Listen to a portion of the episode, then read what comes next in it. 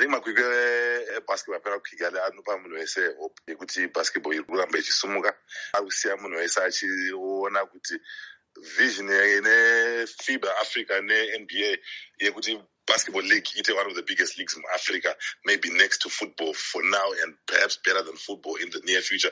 Zvinenge zvichaitika because bhora iri range richinakidza and it was well marketed and response yawana yainge ichinakidza as well as support yaipiwa negovernment of rwanda towards this yaratidza kuti mamwe magovernments ese kuti this is the support we need to give all my sporting associations kuti bhora riite mukurumbira as well as contributing towards uh, sports tourism emasports akawanda muafrica maona sei mutambo wekupedzisira wezamalek netimu yekutunisia gemu rezamalek netimu yekutunisia i think ringe riri gemu ringe rine quality yepamusoro. Zamalek yagara yaratidza from the beginning kuti timu inogona basketball. Kana iyo timu yekutunisia dziri two dzakagara dzaratidza dzichingotanga kuti matimu aigona basketball.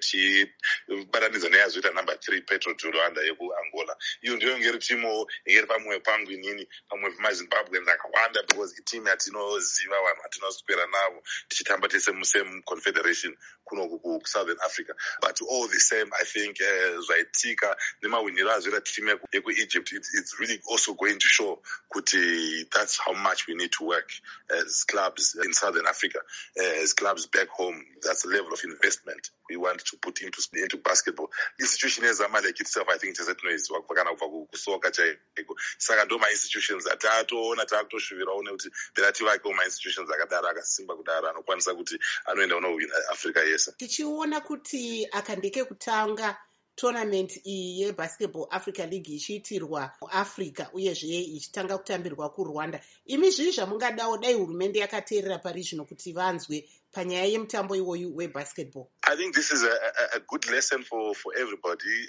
whether vemuhurumende kana kuti vemucivil society vemucorporate society and even the sporting society itself kuti zvaitwa kurwanda chinhu chinoshamisa. There is a value in supporting sports because sport really does eventually contribute towards gdp yenyika zvokutodaro makaona president wekufrance nepresident wekurwanda vachienda unoona basketball ndiyo value yatiri kutaura masuperstars ekunba akaenda kukigali achinoona basketball. Ndo sports tourism yatiri kutaura.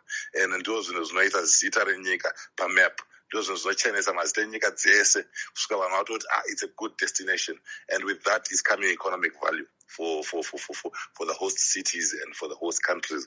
Saka i'm sure vehurumende yedu zvinhu zvavari kutarisa ende zvinhu zvavari kuti mangwana vakangowana opportunity i'm sure vanoitora and maopportunities aripo for everybody. Weare kutalk about whether kuhosta maworld cup kana kuhosta machampionships zvine pavalue and zvinocreata employment yevana because value inouya nefinancial support and sports is a law hanging fruit i think in terms of uh, creating opportunities for the youth.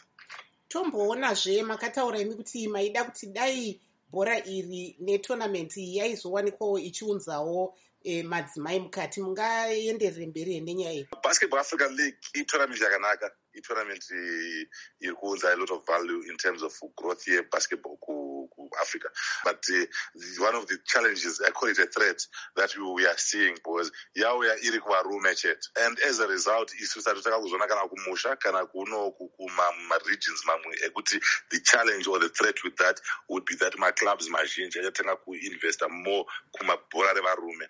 Achatanga kusapota bhora revarume bcause ndo raane reward ndo raakupa kurumbira kunyika bhora revarume. As a result of that takanonoka kuzvirealize chekasika kuona kuti bhora redu remadzimai richatanga kudzika isusu kwatiri zvakatiipira because timu yedu yemadzimai bhora redu kuzimbabwe ndiro rinonge rinototipa maresults akanaka kazhinji kacho saka you find also the same thing kumozambique panext door. Bhora ravo remadzimai you find mozambique has been african champions many times at club level and at national level.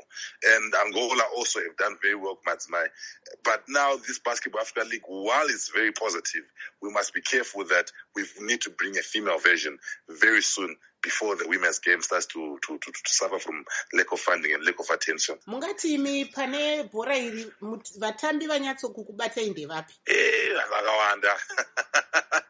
Vakawanda. But takataura nevatambi i want to say kuti idea kakaunzwa nenba kekuunza mamaplayers ekuamerica kuti vascofuser into the local teams. It's a brilliant idea. It's something that i think everybody needs to start looking at it for domestic competitions as well.